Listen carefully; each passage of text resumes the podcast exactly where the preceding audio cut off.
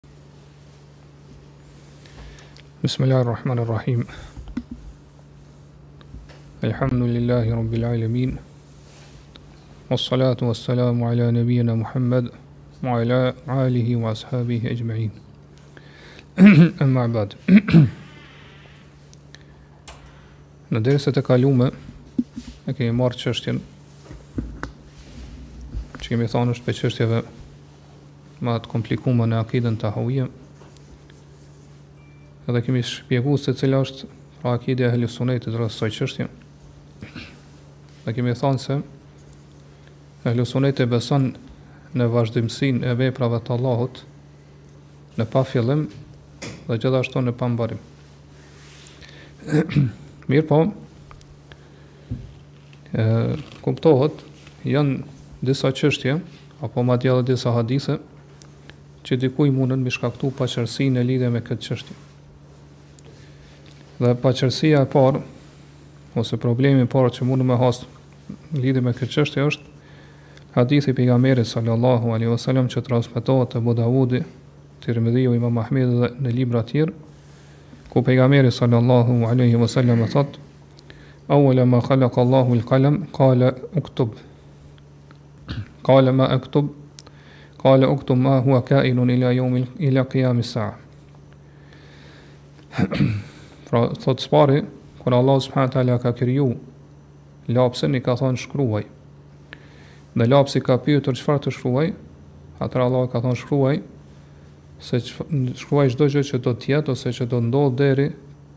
në ditën e kiametit. Po ky hadith dhe hadithin në radhë që vjen pas këtij, ë pra çka kemi pa në dersën e kaluar, njerëz pra janë ndarë në përgjithësi në dy grupe në lidhje me këtë hadith, po ata të cilët e kemi përmend po në dersën e kaluar me emra prej grupeve apo ë sekteve në islam, të cilët thonë se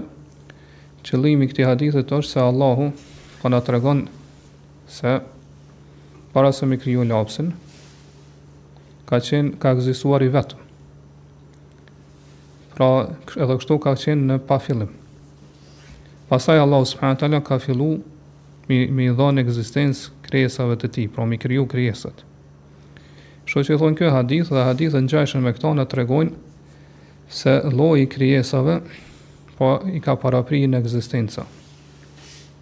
Ashtu siç edhe lloji i kohës i ka parapri inekzistenca. Pra, kuptimi i kësaj është se ata thonë që Allahu subhanahu teala ka filluar të veprojë apo të krijojë pasi që një kohë të gjatë në pafillim nuk ka kriju edhe nuk ka vepru fare. Pra ka fillu me vepru vetëm atëherë, kur e ka kriju po këtë univers apo kur e ka kriju pra lapsin siç po kuptohet në, në këtë hadith. pra sipas tyre veprimi i Allahut subhanahu teala po të vepruarit ka qenë e pamundur për Allahun subhanahu teala. Që me vepru para se me fillu po krijimin e krijesave të para, siç po kuptohet në këtë hadith.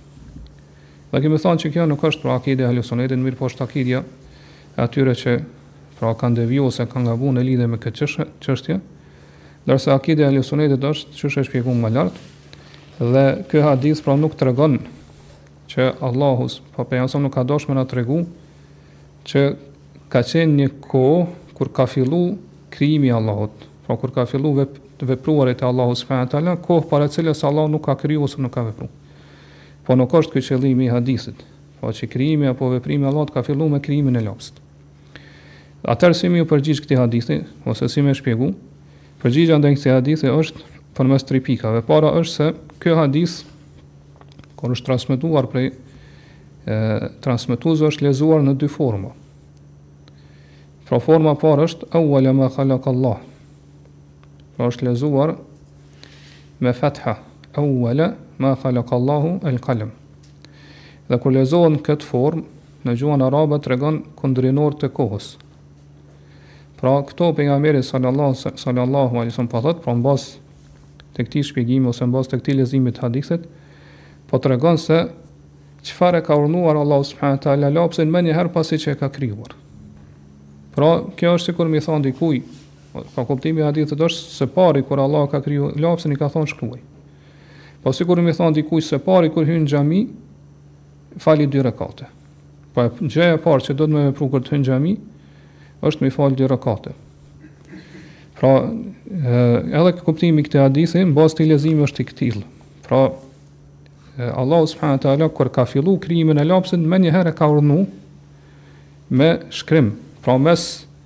Krijimit, fillimit të krijimit të lapsit edhe urdhënimit për me shkru nuk ka pas një kohë të ndërmjetme. Po menjëherë se e ka kriju Allahu e ka urdhnu me shkru çfarë do ndodhë deri në kiamet.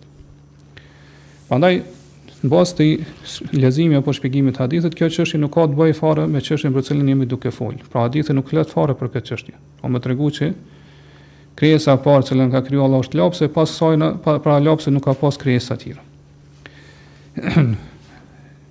Pika e dytë është se hadithi realisht u lexu edhe po kur është transmetuar prej transmetuesve është lexu edhe me damme me u. Awwalu ma khalaqa Allahu al-qalam. Atëherë në këtë rast kemi kryefjalë edhe kallëzues. Të parën që ka kriju Allah subhanahu taala është lapsi. Mirëpo patjetër që këtë hadith po duhet me shpjegu duke u bazuar në hadithet e tjera Që qëllimi i hadithit është të parën të cilën e ka kriju Allahu subhanahu wa taala prej kësaj prej këtij universi të cilin ne e shohim ose që kem njohuri dhe dituri rreth tij është lapsi.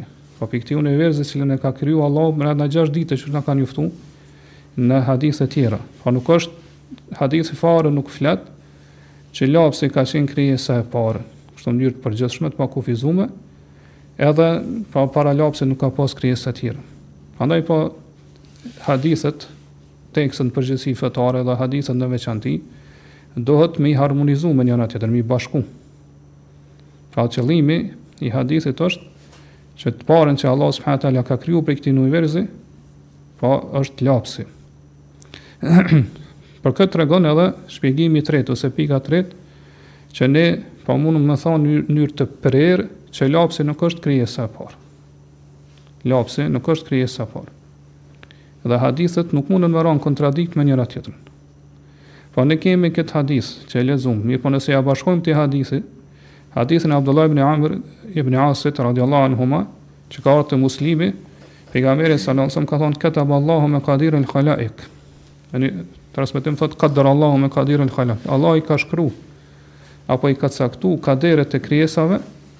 Qabla an jakhluqa as-samawati wal ardh bi khamsina alf sana wa kana arshuhu ala al-ma. Pra i ka i ka caktu kaderet e krijesave para se mi kriju qiejt edhe tokën pesëdhjetë mijë vite. Para se mi kriju qiejt edhe tokën, thotë dhe arshi i tij pra froni i Allahut ka qenë mbi ujë. Pra nëse i bëjmë bashkë këto dy hadithe, hadithin e parë ku Allahu po thotë të parën që e ka kriju Allahu është lapsi, Sipas këtij shpjegimi ose leximi edhe në këtë hadith që e lexuam pra që Allahu i ka bë kader i ka caktu e, caktimet i ka paracaktu pra caktimet kaderet e krijesave 50000 vjet para se mi kriju krijesat ose qiejt e tokën dhe arshi i tij ka qenë mbi ujë. Atëherë fiks na del përfundimi që pra e, qëllimi është që do kur u kriju lapsi që është me kuptojnë ka ndodhur përcakt, paracaktimi i gjërave ose kadereve që kanë me ndodh deri ditën e Kiametit. Po siç u pa më lart kur ka ndodhur kjo menjëherë pasi që Allahu ka kriju lapsin. Mirëpo, pejgamberi sallallahu alaihi wasallam po thotë wa kana arshuhu ala alma. Kur kur e ka urdhnu Allahu lapsin me shkru, e ka kriju dhe ka urdhnu me shkru derisa çdo gjë që ndodh deri ditën e Kiametit, thotë arshi i tij ka qenë mbi ujë.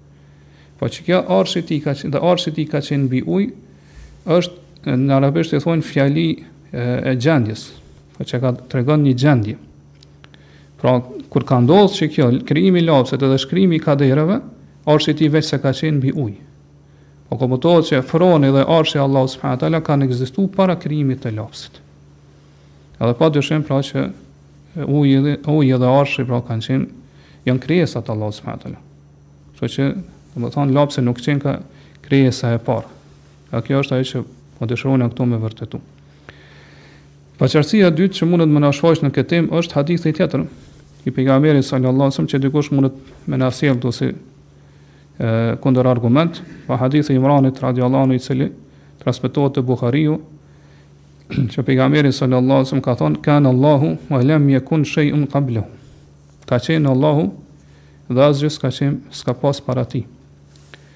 Gjithashtu ka ardhur te një transmetim te Buhariu thotë kan Allahu wa lam yakun shay'un ghayruhu. Ka qenë Allahu dhe askush s'ka qenë me të. Po ashtu disa tras, dijetarë transmetojnë hadithin ma'ahu. Po i pari është ka qenë Allahu dhe s'kishte tjetër çka përveç Allahut. Kurse në transmetim tjetër thotë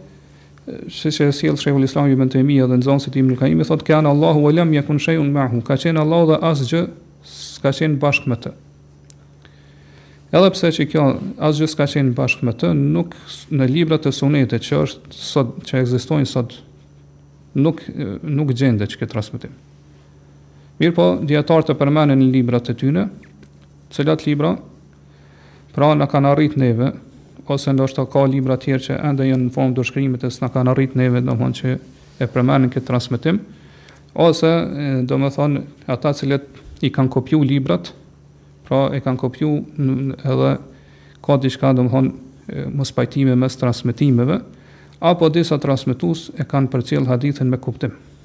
Sidoqoftë, thotë qëllimi është se këta kanë pretenduar që ky hadith tregon që ka qenë Allahu subhanahu wa taala dhe s'ka pas ndonjë krijesë, domethënë në një kohë të caktuar. Po në kohë prej kohëve, në pa fillim s'ka pas krijesa, ka qenë vetëm Allahu subhanahu wa taala vetëm. Nuk ka pas kurfar krijesë. Përgjigja ndaj këtij hadithi është përmes dy pikave. E para është Së pari duhet ta shikojmë shkakun e transmetimit të këtij hadithi.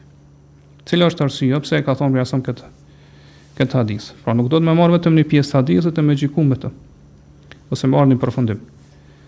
Pra arsyeja është se te pejgamberi a.s. ka ardhur fisi benu temim.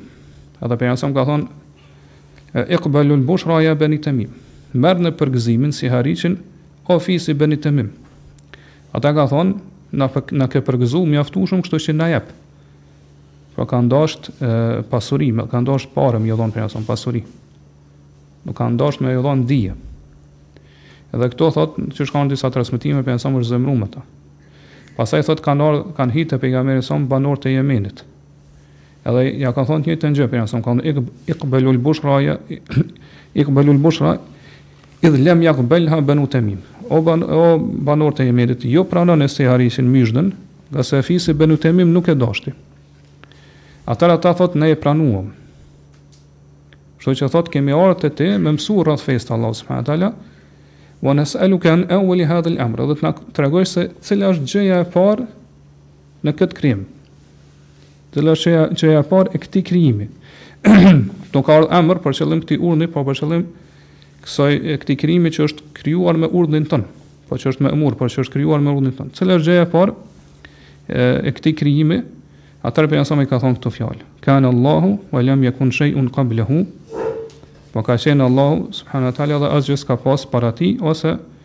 Kan Allahu wa lam yakun shay'un ghayruhu, ka qenë Allahu dhe s'ka pas tjetër përveç tij. Ka qenë Allahu dhe s'ka pas tjetër përveç tij. Pastaj kanë ardhur, është vazhdon pra hadithi, ngjashëm me hadithin e parë, thotë pejgamberi a.s. wa kana arshuhu ala al-ma. Dhe arshi i tij ka qenë mbi ujë. Wa kataba fi dhikr kulli shay, dhe ka shkruar në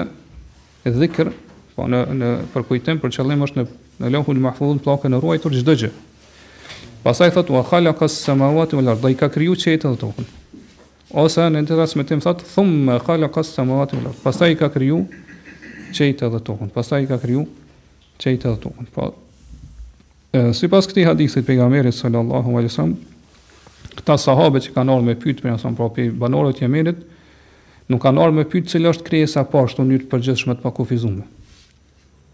Por arsye se ata kanë thonë na trego cila është krijesa e parë e, e kanë përmend cila është gjëja e parë që u krijua në këtë Krijim, pra qëllimi është në këtë botë që ne po e shohim, do në këtë univers. Pra, po të pyesim cila është gjëja e parë që u kriju e, e këtij krijimi, po që ne po e shohim, se kanë thonë këtij krijimi, pra kanë bërë me përemrin dëftor këtij, na trego cila është gjëja e parë e këtij krijimi. Po për qëllim është pra krijimi që po e shohim, po universi, po qiejt dhe tokën. Pra kjo është qëllimi i sahabeve pse e kanë pyet, pra nuk kanë pyet ata në këtë mënyrë të pakufizuar me cila është gjëja e parë që e ka kriju Allahu subhanahu taala. Dhe ajo që dëshmon për këtë është hadithi, vazhdimi i hadithit.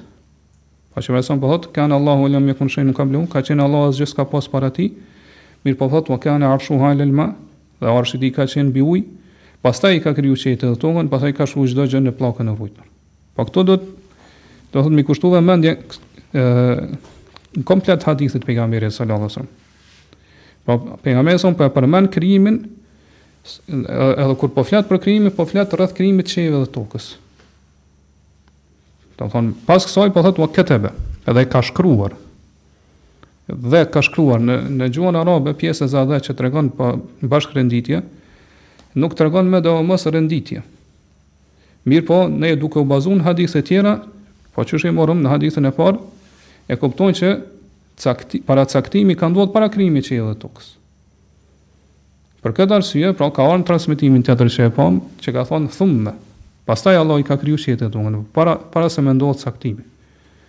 Pra, ajo që po dojna me arrit këtu është se pejgamberi sa kur ka fol për krijimin i ka përmend qiejt dhe tokën, pra ka ka ka fol për këtë krijim të cilin po e shohim për të cilin na ka njoftuar Allahu pra në Kur'an. Pastaj po e përmend që ka ndodhur domethënë shkrimi Po e përmend që ka ndodhur shkrimi i caktimeve, i kadereve në dhikr, pra në pllakën e ruajtur. Pastaj po thotë dhe i ka kriju qiejt e tokën. Dhe po, po kuptohet edhe këtu që para se mi kriju qiejt e tokën, pra që në bazë të hadithit që e lexuam më lart, është kriju lapsi. Gjithashtu këtu Pejgamberi pra po e sjell fjalinë e ngjashme, që arabisht quhet jumla halie, pra fjali që tregon gjendje, sikur në hadithin e parë, thotë wa kana arshuhu alal-ma, dhe arshi i tij, froni i tij ka qenë mbi ujë. Po kjo këtë po kuptona që para kësaj paska pas krijesa tjera dhe pejgamberin fare nuk po flet për to. Po më sqaru, po kur janë kriju ato, domthon më sqaru krijimin e tyre kështu me radhë. Ngase domthon pyetja që ka për ashtu pejgamberin nuk ka të bëj fare me kët. Po pyetja thjesht pra ka qenë rreth këtij kësaj bote ose këtij universi të cilin ne e dimë, edhe që Allah na ka njoftuar që ka krijuar brenda 6 ditëve. Pra, hulumtimi këtu që ka ndodhur mes banorëve të Jemenit dhe pejgamberit fare nuk ka të bëjë me domethënë me pa fillimin e krijesave të Allahut subhanahu wa taala, çysh e kemi përmend po ndejën e kaluar. Përgjigjja e dytë është se pra transmetimet që ç'thamë kanë ardhur ka qenë Allah dhe asgjë s'ka s'ka pas para tij ose as s'ka pas asgjë tjetër përveç tij. Edhe nëse saktësohet Transmetimi tjetër që thotë dhe asgjë nuk ka qenë bashkë me të. Domethënë tri transmetime, mirëpo, e, domethon vendi ku ka ndodhë kjo ngjarje, ka qenë vetëm njëherë ka ndodhë, po nuk ka ndodhë tri raste t'ndryshme, po ka qenë i njëjti rast, mirëpo janë transmitu në tri forma, ose është përcjell hadithi në tri forma. Dhe pejgamberi salallahu njënën prej këtyre fjalëve, ka thonë, jo triat, njënën prej këtyre. Nuk i ka thonë triat. Për këtë arsye, nëse dëshirojmë me ditë pra cila prej këtyre fjalëve është më e saktë që u përcjell prej Pejgamberit sallallahu alaihi wasallam, atëherë padyshim arrijmë përfundim që është qablehu, ka qenë Allahu s'ka pas asgjë para tij. Pse? Ngase që kjo fjalë qablehu s'ka pas asgjë para Allahut, kjo vjen n'përputhje me hadithe të tjera që flasin për cilësinë e uelijetit t'Allahut, që Allah është i pafillim. Siç ka thënë pejgamberi sa Allahumma anta al-awwalu fa laysa qablaka shay. O Allah ti je i pari, pra për, për qëllim i pafillim. Dhe asgjë s'ka pas para teje. Edhe këtu po thotë wa lam yakun shayun qablahu, dhe asgjë s'ka pas para Allahut, pra Allah është i pafillim. Po për qet fjalë ose qet shprehje kemi argument prej sunetit. Prandaj kjo mund me thonë që është më e saktë sesa transmetimet ose përcjelljet tjera që ka qenë Allah dhe asgjë s'ka pas bashkë me të ose përveç tij. Prandaj bazuar në këtë themi që nuk ka kurrfarë paqartësie ose dileme rreth kësaj për arsye se siç e dimë pra asgjë s'ka pas para Allahut subhanahu wa ta'ala. Mirëpo Allahu pra është El Awwal, i pafillim. Edhe këtu pra kur ne po hulumtojmë rreth vazhdimësisë së krijesave, në pafillim kjo s'ka të bëjë fare, domethënë nuk ndërlidhet fare me këtë hadith.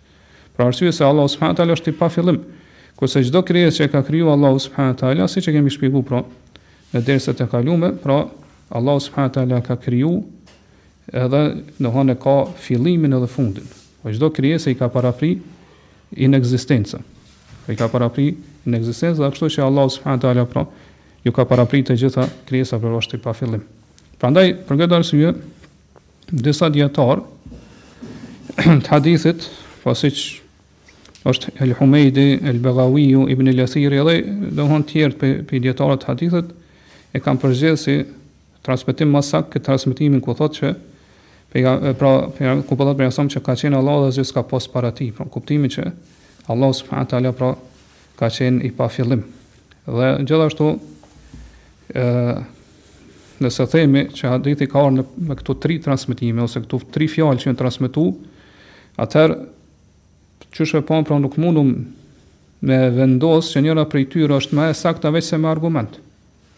Dhe e pam që argumente e mbështet më shumë kët fjalën ku thotë qablehu, do të thotë s'ka pas para Allah subhanahu wa taala asgjë. Prandaj, nëse njëra prej këtyre transmetimeve arrihet që të argumentojmë që është më e sakta, atëherë me ato punojna. Përndryshe, nëse nuk kemë argumente edhe dikush pra pretendon në mënyrë bindur që për nësëm e ka pas për qëllim një kuptim ose domethënie tjetër, atëherë ai pa dyshim që gabon. Kurse domthon ai për këto dy tjerat, shprehje tjera që ka qenë Allahu dhe asgjë s'ka qenë me të ose s'ka pas asgjë tjetër, nuk kemi argument as pi Kur'anit, as pi Sunetit të pejgamberit sallallahu alajhi wasallam. Prandaj pra, nuk lejohet me me pohu njërën pa pas argumente duke menduar që kjo është kuptimi i hadithit. Dhe gjithashtu duhet ta dimë që nuk kur nuk ka ardhur në një hadith i pejgamberit ka kështu vetëm kjo pjesë, domethon ka qenë Allahu dhe asgjë s'ka qenë bashkë me të.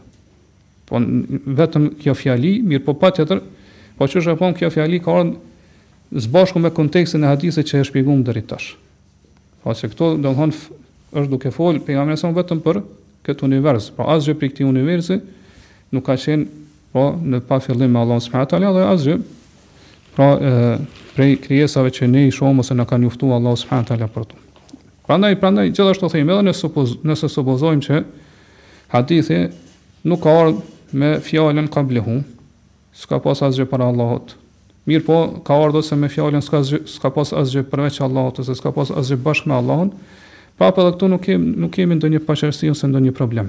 Pse? Për arsye se qysh e shpjeguam deri tash, asnjë asnjë gjë nuk e ka cilësinë e ewelijës ose ezelisë të pafillimit përveç Allahut subhanahu teala. Pra thamë deri tash që çdo krijesë i ka parapri inekzistenca. Allahu subhanahu wa taala pra e ka kriju pasi që nuk ka ekzistu.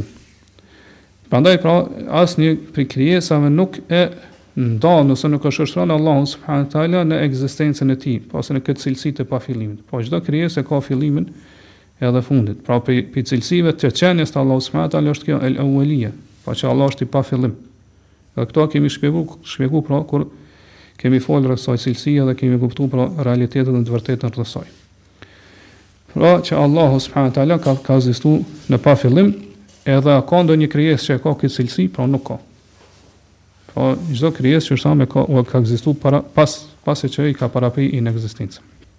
Prandaj pra, ë realisht nuk ka pa, paqartësi ose dilemë rreth këtyre haditheve që i kanë sjellë këta si argument për këtë meselë. Mirë, këtu e kemi pastaj paqartësinë e tretë, të cilën e kanë sjellë ithtarët e kelamit, shkencës së kelamit, apo kemalist, kelamistët e, e si argument kundër ehlul etherit. Kan thënë që me thënë që vazhdimësia e ngjarjeve apo veprimeve dhe krijesave të Allahut në pa fillim. Pra është e pa fillim, pra vazhdimësia e gjurmëve të veprimeve të Allahut dhe gjurmëve të të cilësive të Allahut subhanahu teala është e pa fillim. Kjo kërkon si rezultat pa shmangshëm që ky univers është i pa fillim. Dhe ne e pamë më lart, pra që asgjë nuk është nuk përshkruhet me pa fillim përveç Allahut. Përgjigja është se prej nga e kuptuat këtë prej mendimit të ehlusunetit. Po qysh e kemi shpjegu në derset e kalume, Ehlusuneti vazhdimisht kanë thënë dhe kanë ri, e kanë përsëritur dhe ripërsëritur, e kanë theksuar dhe ritheksuar që qysh e thamë edhe sonte që çdo krijesë i ka parapri inekzistenca. Pra çdo krijesë Allah subhanahu taala ka kriju pasi që nuk ka ekzistuar. Pra Allahu subhanahu taala është i vetmi i pa fillim. Pra Allahu subhanahu taala ka kriju pasi që nuk ka ekzistu. Mirëpo, Allahu subhanahu taala ka kriju krijesa në mënyrë të vazhdueshme prej pa fillimit. Pra ka kriju një krijesë, pastaj është shkatru. Ka kriju një krijesë, para asaj një krijesë tjetër, pastaj një krijesë tjetër e kështu me radhë deri në pa fillim. Mirëpo, a kuptohet prej kësaj që një gjë e caktuar është e pafillim krahas Allahut ose ky univers është i pafillim? Kurrsesi nuk kuptohet prej këtij mendimi të Ehli Sunnetit. Prandaj, ajo që mundum me e thonë që pra me me kundërshtu këtë, është vetëm mendim i filozofëve. Filozofët janë ata të cilët e kanë këtë besim që universi është i pafillim. Mirëpo Ehlusunneti i llogarisin si jobesimtarë filozofët për shkak të kësaj këtij mendimi ose për shkak të këtij besimi. Siç kanë thënë pra njëri prej dijetarëve, Bi thalathatin kafara al falasifatu al ida idh ankaru wa hiya haqqun muthbata. Me tri gjëra filozofët kanë mohu, pra po kanë bo kufër, që i kanë kundërshtuar, i kanë mohu, ato janë të vërtetuara, po janë të vërteta dhe janë vërtetu me argumente. Ilmun bi juz'iyyin. E para që kanë mohu, thotë është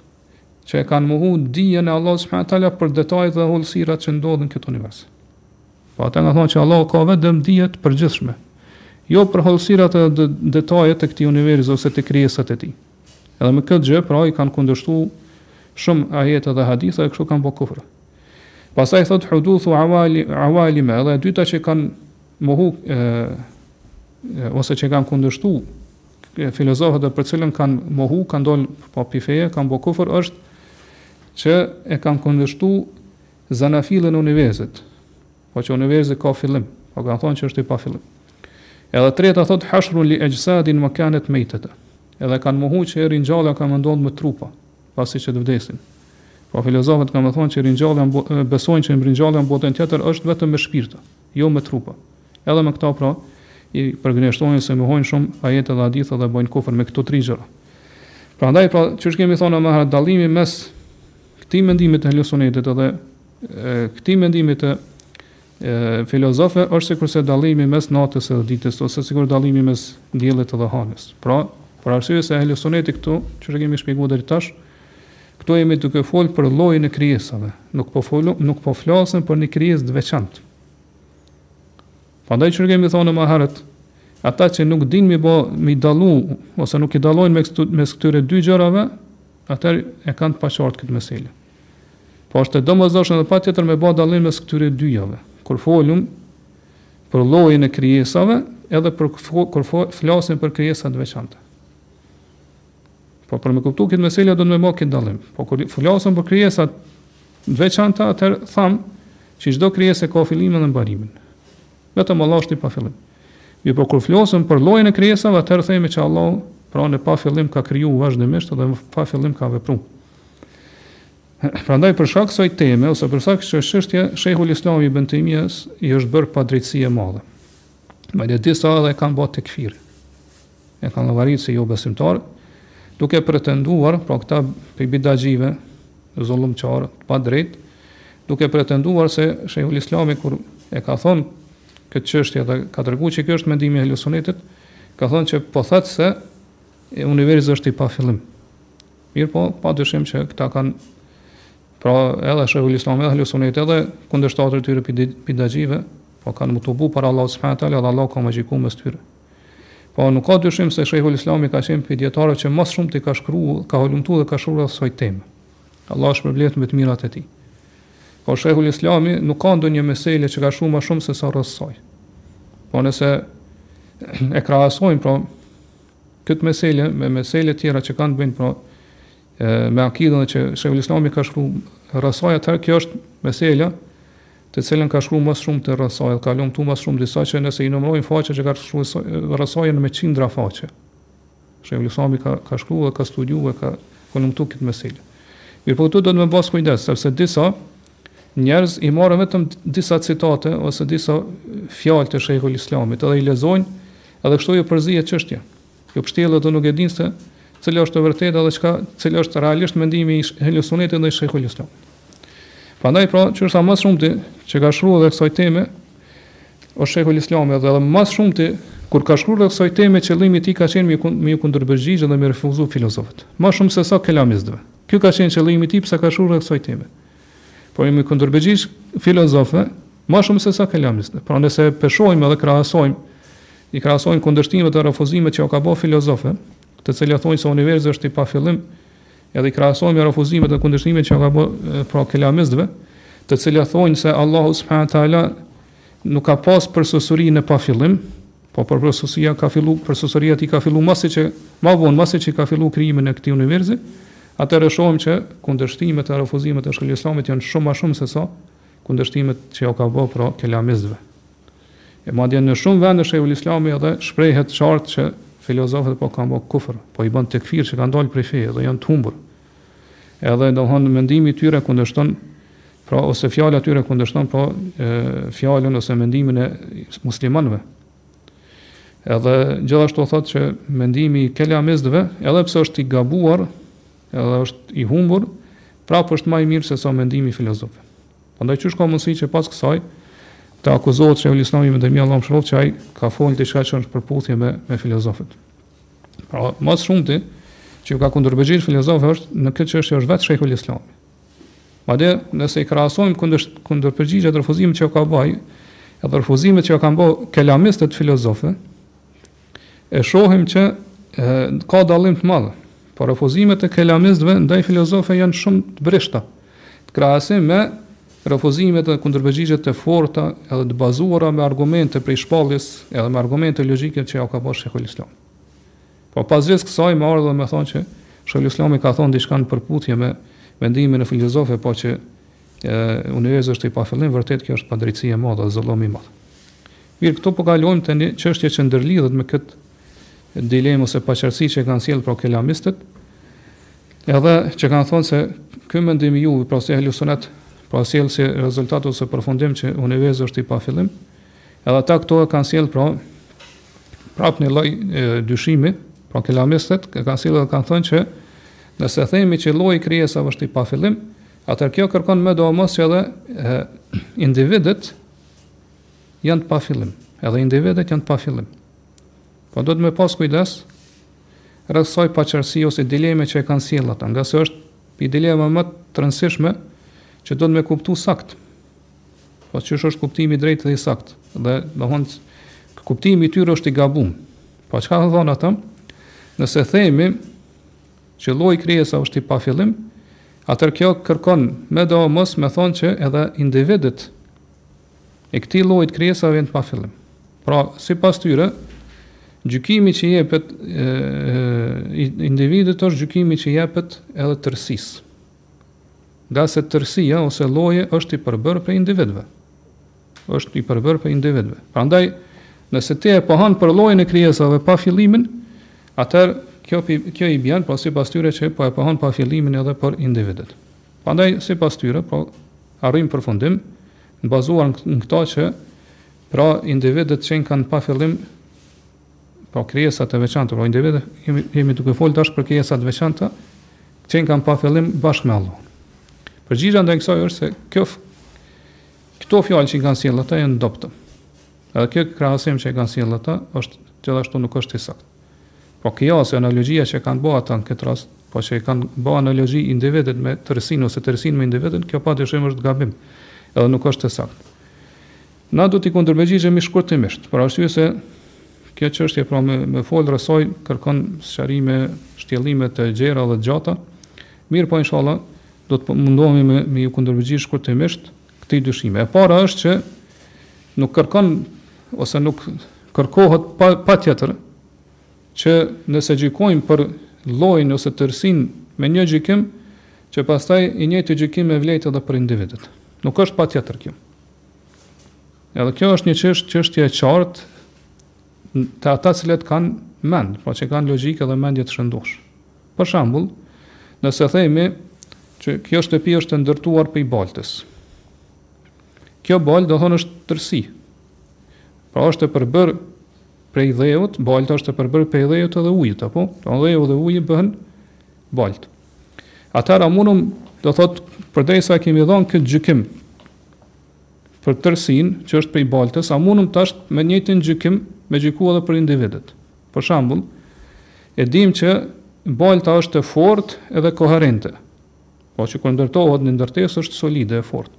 Mirë pa po, mundëm të njëjtën që kemi me thon edhe ujit, që uji është i fortë edhe koherent, nuk mundëm ta thomi. Domethënë, kur uji u bo bashkë me dheun, e kanë sjellë një tërsi që ka kaluar në gjendje krejt tjetër, gjendje për të cilën nuk mundum tash me gjyku për individet e kësaj tërësie. Edhe kjo pra po e kuptoni që është shumë e qartë. Çështja e dytë është perceptimi i tyre për llojin e krijesave është perceptim i gabuar. Ngase ne si ehli sunet kur themi lloji i krijesave, po këtë çështje e kemi shpjeguar më herët për qëllim e kemi vazhdimësinë e individëve. Pra thamë deri edhe më herët që domethënë këtu kemi një krijesë që ka fillimin dhe mbarimin. Para saj ka qenë një krijesë që ka pas fillimin e mbarimin, para saj një krijesë tjetër që ka pas fillimin e mbarimin deri në pa në, në pa fillim. Prandaj, po kjo që kjo që ky kuptim ose domethënia e vazhdimësisë që është e ehli sunetit nuk mund të perceptohet ndryshe veçse kur flasim për tërësinë, por nuk mund të perceptohet kur flasim për individin. Pse? Për arsye se Po qysh thamë çdo individ po ka qenë në një kohë ka qenë inekzistent, po s'ka ekzistuar. Pastaj Allahu subhanahu wa taala e ka sjell në ekzistencë. Po i ka dhënë ekzistencë, edhe pastaj gjithashtu ka me pas fundin e tij. Prandaj pra e, nuk kemi këtu fare të bëjmë me çështjen e vazhdimësisë për cilën flet ehli sunneti. Prandaj kijasin, pra analogjinë që e kanë sjellë këta, pra nuk është i saktë. Prandaj bazuar në këto themi që si parim te njerëzit e mençur është që nëse një tërësi e merr një gjykim për shkak të bashkimit të individëve që kanë përbë, që përbë, do individë prej cilës përbëhet ajo tërësi, E merr një gjykim, kjo nuk kërkon medoemos pastaj që atë gjykim me pas secili individ prej individëve të asaj tërësi. Përgjigja e tretë është një përgjigje shumë e lehtë dhe e shkurt. E ajo që këta vet ju themi pra këtyre kelamistëve, ju vet e pohoni edhe e besoni që vazhdimësia e veprave të Allahut në t'ardhmen pra vazhdon në pafundësi.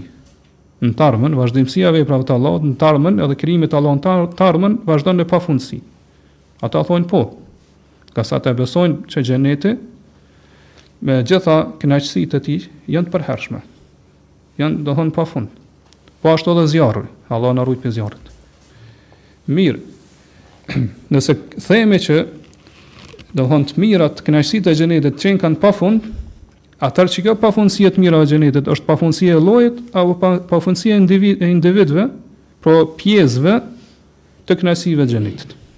Ata kanë me thonë pafundësi e llojit, jo pafundësi e individëve. Pra Allah subhanahu wa taala thotë Surja er-Rad në ajetin 35, ukuluha daimun ve dhilluha. Frutat, ushqimet, edhe hija e xhenetit është e përhershme, e pafundme. Pra, që ky gjykim nuk ka të bëjë me individët që janë në xhenet, ose me krijesat e veçanta që janë në xhenet. Për shembull, kur banorët e xhenetit, Allah na bëftë prej tyre, e hajnë një frut prej frutave të xhenetit. Që ky frut, kur ta ta konsumojnë e hajnë mbaron, më nuk ekziston përherë. Mirëpo, a kërkon që kjo Kur do me thonë fundi atij fruti, a e sjell si rezultat pak shpash, pashmangshëm që edhe lloji i frutave me përfundu. Jo nuk nuk nuk kuptohet kjo pra, nuk ke përfundim ose nuk mund me arrit n' këtë përfundim. Kështu që Allah subhanahu teala pra vazhdimisht krijon vazhdimisht sjell kënaqësi të reja të xhenetit në pafundësi, me cilat kënaqen banorët e xhenetit.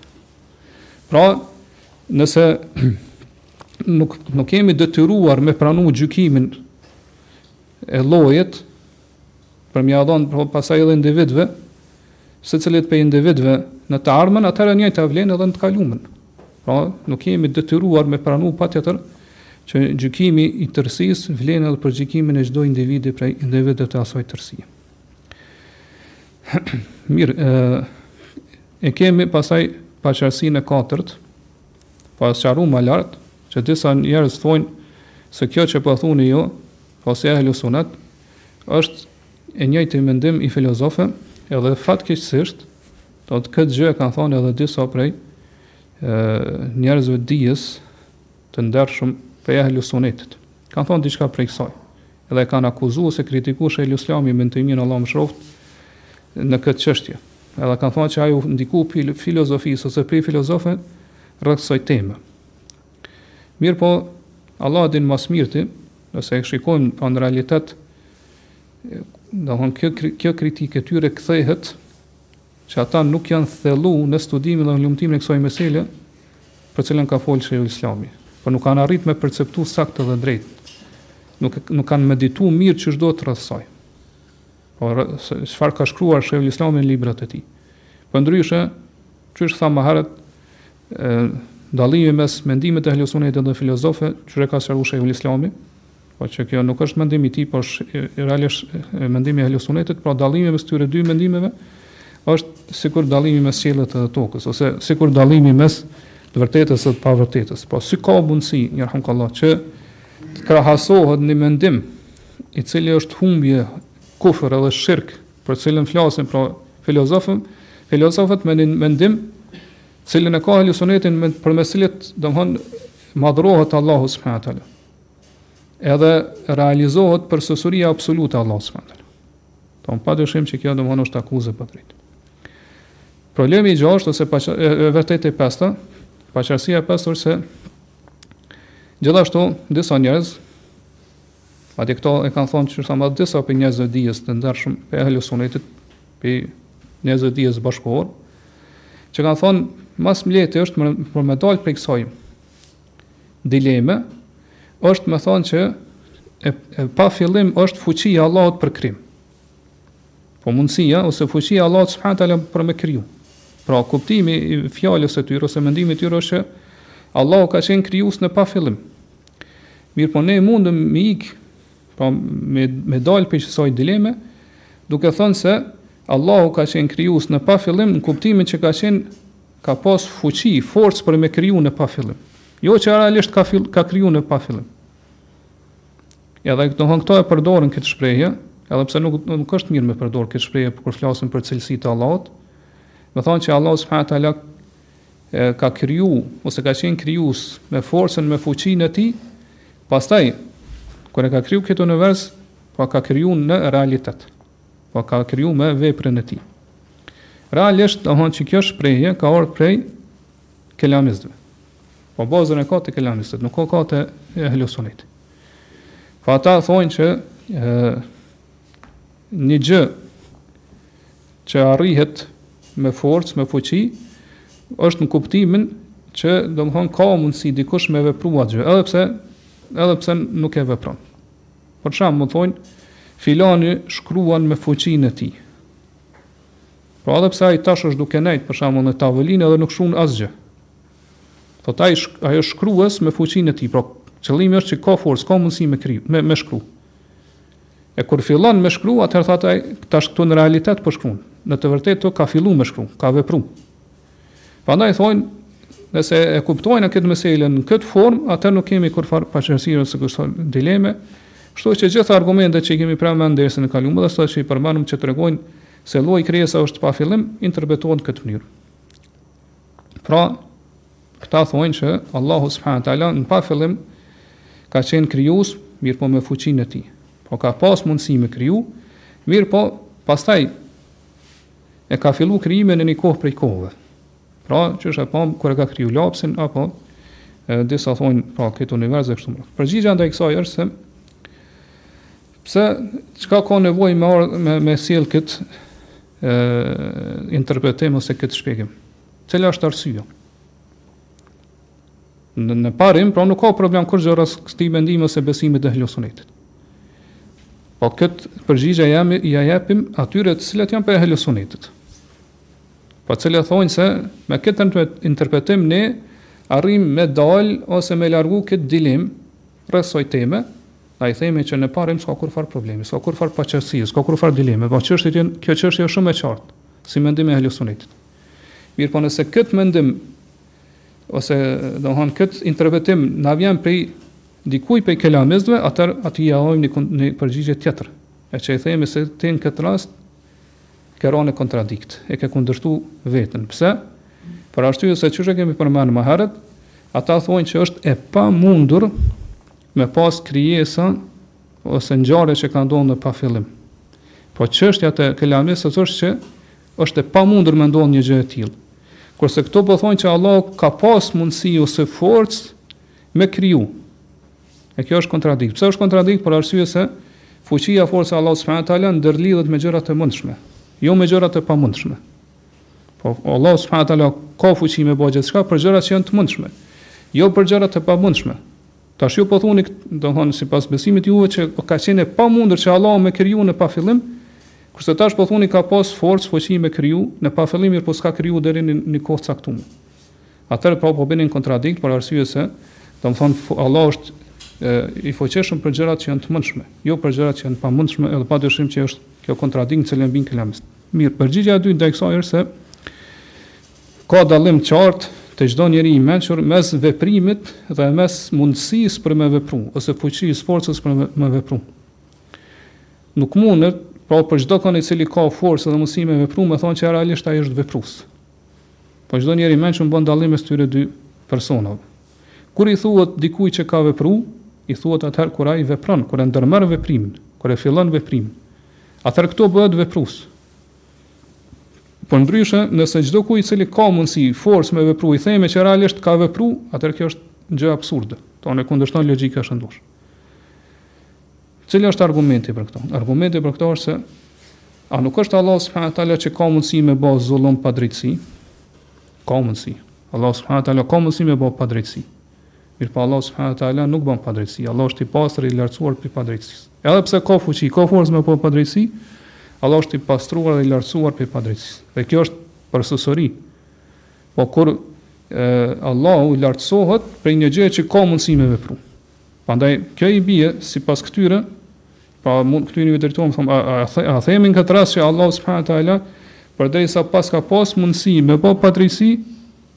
Që edhe mu cilësu me padrejtësi, kurrsesi, pra nuk lejohet në asnjë gjendje ose në asnjë rast me e cilësu Allahun me me këtë gjë. Ka se Allahu pra është i lartësuar i pastër prej padrejtësisë. Përgjigja tjetër është se argumentet kanë ardhur të qarta që Allahu subhanahu wa taala pra vepron. Ky është kuptimi i dukshëm e kuptimi i jashtëm i argumenteve. Edhe neve nuk na lejohet me dalë prej këtij kuptimi. Po si, siç kemi përmend, pra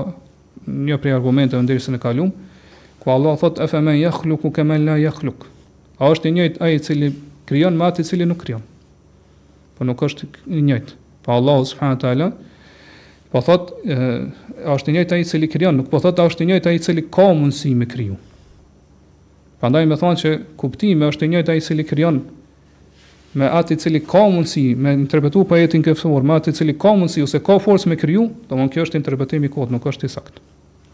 Përgjigja e katërt është se çfarë përsosurie ose çfarë lavdimi mundum me ja bë Allahut subhanahu teala, nëse ne e cilësojmë që ai ka pas mundësi me kriju edhe realisht nuk ka kriju kohë gjatë në pa fillim.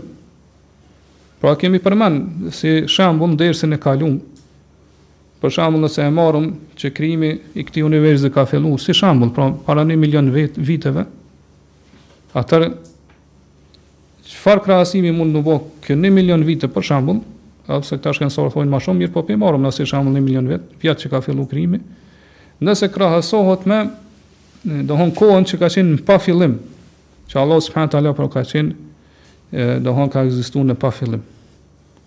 Atër që, ku është lav, lavdata ose lavdërimi këtu ndaj Allahu subhanahu taala? Kur supozojmë për shembull se Allahu subhanahu taala pra ka krijuar në realitet në këtë kohë, por kur ka filluar krijimi i këtij universi, kurse në periudha kohore shumë gjata, gjata, gjata që nëse ne derisa të vdesim fillojmë numërojmë fillojmë që Allahu pra ka qenë 1 milion vjet përpara, 1 milion vjet na vdesëm dhe nuk nuk arrijmë me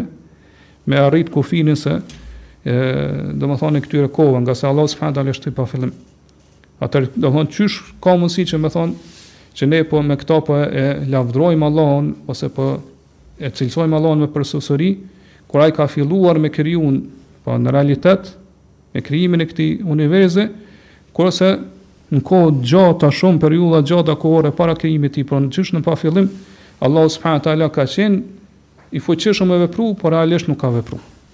Ku, ku ka këtu lavdrim ose cilësim me përsosuri për Allahun subhanahu taala.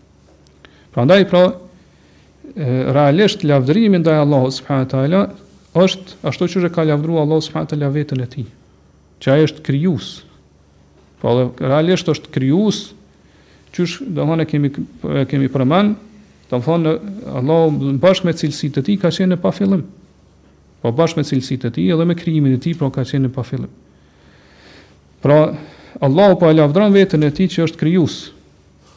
Ose nëse them themi që Allahu po ka qenë krijues, qysh thojnë këta, pra ka pas fuqi me kriju. Në këto kohë ose periudha kohore shumë gjata pa fillim, mirëpo nuk ka kriju, atër cila është arsyeja kush kush e ka penguar Allahun subhanahu wa taala prej këtij krijimi? Kush është ai që ka e ka penguar Allahun ose me kriju në pa fillim? Ku kemi këto lavdata ose lavdrim për Allahun dhe përsosuri për Allahun subhanahu Po, qysh thamë, lavdrimi ndaj Allahut subhanahu taala dhe cilësimi përsosuri është kur ne themi që Allahu subhanahu taala pra ka krijuar pa fillim. E jo, domethënë qysh pretendojnë këta, se Allahu ka filluar me kriju, pasi që një kohë të gjatë, pra nuk ka kriju fare ose nuk ka vepruar fare. Pra këtu do të mundohem me pru një shembull sa me afru sa do pak këta që po e themi, nëse një person lavdrohet, njerëz pra thurin lavdata të bukura rreth tij e lavdrojnë edhe thonë që ai është poet për shembull, i cili nuk ka konkurrencë. Mirëpo që 70 vite të jetës tij, ai nuk e ka shkru asnjë varg poetik. Nëse ia themi dikujt për shembull, thotë çfarë poeti është ai. A ka domethënë lavdata, lavdërim për këtë person këtë rast? I themi ai është poet me fuqin, forcën e tij, ka fuqi me shkru poezi. Mirëpo, nuk ka shkru poezi. A ka domethënë përsosuri këtu ose lavdata për, për këtë poet? Jo. Po nuk ka kurrfarë përsosuri, s'ka kurrfarë lavdërimi ndaj tij. Këto nuk e veprojnë njerëz të mençëm. Po me përshkru këtë rast njerinë që është poet, vetëm se ka forcë ose mundësi me shkru poezi. Ose dikush për shembull lavdërohet thonë që ai është luftëtar i zoti, trim, guximtar. Mirëpo kurrë në jetën e tij nuk ka hyrë në një në ndonjë betejë ose luftë me armikun. Nëse pyetën qysh ndodh kjo, atëherë thonë trim me fuqinë e tij. Na e lavdërojmë për shkak se ka mundësi ose ka fuqi me kon trim. Mirëpo kurrë domthon nuk e ka shfaq trimërinë ose guximin e tij. Pra, kjo kurrsesi nuk mundet me ndodhë, ose me, me ndodhë ky cilësim te njerëz të mençëm. Po kjo është e papranueshme ose absurde. Po ashtu nëse ndonjëri prej neve, këtu secili prej neve, pra me thonë ose mu cilësu që është udhëheqës i drejtë. Domethonë, pse ka fuqi me udhëheq, ka forcë me udhëheq. Mirëpo realisht asnjëri prej neve nuk kemi udhëheq. As jemi halife për shembull, as prijësa, udhëheqësa të drejtë. Prandaj pra, me thonë që dikush ka fuqi me vepru diçka Për shkak se ka fuqi me vepru ose ka mundësi me vepru diçka, realisht e ka, kjo është cilësi e tij, atëherë qysh thamë kjo nuk është kurrsesi e saktë. Edhe përgjigjja e pestë është, edhe kësaj duhet me i kushtu pra pak vëmendje kësaj çështje është se nëse mundësia për me kriju qenka përsosuri, qysh qysh thonë këta kelamistët, atëherë krijimi Në në realitet krijimi pastaj kur krijon, kjo është edhe më është domethon përsosuri edhe më e madhe. Kjo është çështje edhe më e përsosur. Pra ata të cilët thonë kështu, qysh thamë deri tash, e pranojnë që mundësia me kriju është përsosuri. Po qysh e përshkruajnë Allahun. Allah ka pas mundësi me kriju, po s'ka kriju. Mirë, edhe thonë kjo është për, tregon përsosuri për Allahun. Mirë. Mirë, po njerëzit e mençëm çka thonë? Nëse ë veprimi i përsosurisë qenka përsosuri, e vërtet nëse mundësia me, me, me vepru ose me kriju qenka përsosuri, atëherë veprimi i kësaj përsosurie, ose veprimi i asaj që është ma e mira, kjo është edhe ma e përsosur. Atëherë nëse kemi këtu një vepër që, që është përsosuri, edhe një vepër tjetër që është më e përsosur, me cilën duhet me cilësu edhe me, do thonë me përshkru Allahun subhanahu teala, padyshim duhet me cilësu me atë që është më e përsosur. Edhe Allahu subhanahu wa taala, pra qysh kemi thënë edhe në derse të kaluara, me argumente fetare, nga ana e logjikës, mendjes së shëndoshë, nga ana e fitrës, natyrshmërisë së pastër së njeriut, Allahut i takon edhe i përket skajshmëria. Kulmi i përsosurisë. Po kurrkah nuk shkon më përsosuri, më tutje Allahut subhanahu wa taala i përket kjo përsosuri.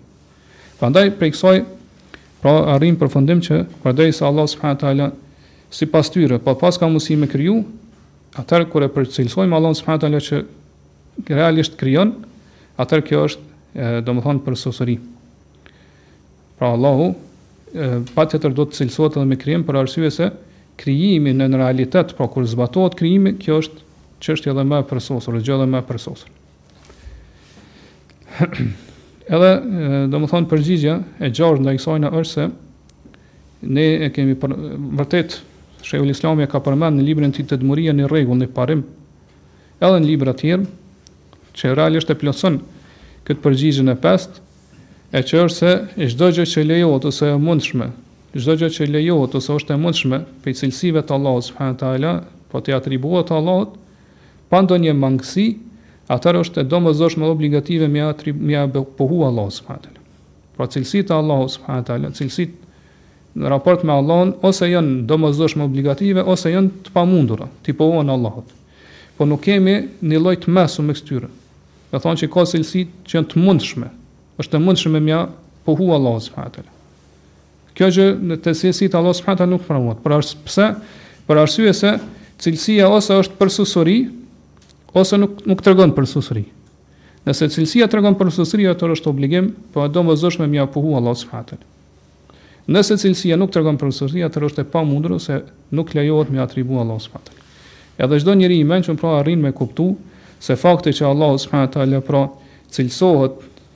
me veprim real, po që Allahu ka vepruar me veprat e tij në realitet, atëherë është kjo po kjo tregon përsosuri.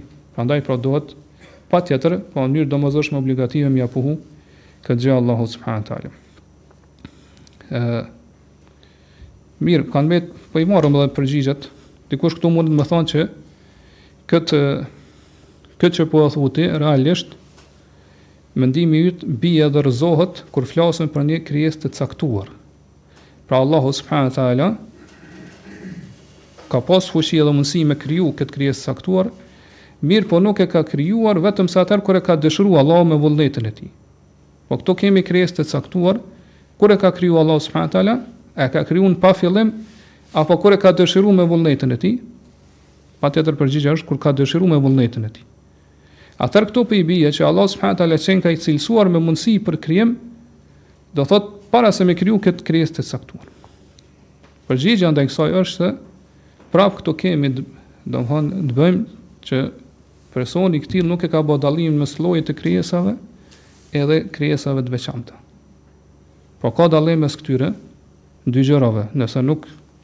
Arrijmë mi dallu, gjithmonë kena mi përzi këto çështje dhe s'kena mi kuptu, ose kena marrë përfundime të gabum. Po këtu jemi duke folë për llojin e krijesa, krijesave, nuk jemi duke folë për krijesa të caktume, ose për vepra të caktume. Sa i përket veprës së caktume, atëherë nuk ka dyshim që veprat e caktuara të Allahut subhanahu wa taala nuk janë pa fillim. Edhe kjo është një rregull që e kupton çdo njeri i mençëm. Madje kelamesin janë ata që e kanë kundërshtuar këtë gjë. Edhe krejt cilësitë me të cilat vepron Allahu subhanahu wa taala këta thonë janë cilësi të qenies të Allahut. Nuk ka cilësi me me të cilat Allahu vepron, mirëpo janë cilësi të qenies të Allahut, në kuptimin që janë cilësi, domthonë që kanë qenë me Allahun në pafillim dhe jo që ato pra ndodhin herë pas here kur dëshiron Allahu me vullnetin e tij. Prandaj e vërteta këtu është se vepra e caktuar kurrë nuk ka mundësi me qenë pa fillim. Mirëpo Allahu subhanahu wa taala vepron herë pas here. Po është veprues i këtyre vepra ose krijues i këtyre gjërave herë pas here sipas dëshirës dhe vullnetit të tij. Edhe kjo është një gjë domethënë që arrihet të perceptohet me mendjen e shëndoshë, ngase një vepër e caktuar patjetër duhet mi pri pra vullneti ose dëshira e Allahut subhanahu. Pra ë, Allah subhanahu taala për këtë arsye ka thënë fa'alu lima yurid. Allahu vepron çfarë dëshiron me vullnetin e tij. Po çfarë dëshiron Allahu patjetër ka me vepru. Prandaj ë sikur të kish qenë vepra e caktuar e pa fillim që thonë këta, atëherë kjo kërkon që gjitha gjërat të kenë ndodhur me njëherë, në pa fillim. Dhe kjo është absurditet, pra është një gjë absurde që s'e pranon logjika, s'e pranon logjika e shëndoshë. Prandaj e vërteta është se këtu jemi duke folë, duke hulumtu, duke studiu rreth llojit të veprës, rreth llojit të krijimit. Kjo është një gjë tjetër. Kurse me hulumtu, me folë rreth veprës së caktuar ose krijesës së caktuar, kjo është një gjë tjetër. Dhe nuk duan mi përzi këto gjë, dy gjëra. Për, për këtë arsye, pra ai që i përzin, qysh e pamë pra këta veprat e Allahut Pra cilësitë me cilat vepron Allahu thonë janë prej llojit të jetës të Allahut. Pra sipas tyre pra janë pa fillim, edhe kjo pa dyshim që te njerëzit e mençëm pra nuk është e pranuar, nuk është e saktë përmes logjikës së, së shëndoshë. Edhe përgjigja e shtatë ndaj këtij ndaj këtij dyshimi që sjellin ata është se kur kelamistët thonë që Allahu subhanahu teala ka ka krijuar me vepër pasi që ka qenë krijues me forcë dhe me fuqi, ose pasi që ka krijuar pasi që krijimi ka qenë i mundshëm për Allahun subhanahu wa taala, atëherë i themi që në këtë përfundim që keni arrit ju, kërkon ky përfundim kërkon argumente që tregojnë se kjo është e saktë ose që tregojnë se kjo është mendimi më i peshuar me argumente, edhe kjo padyshim pra që është e papranuar te njerëzit e mençëm, sidoqoftë don kjo çështje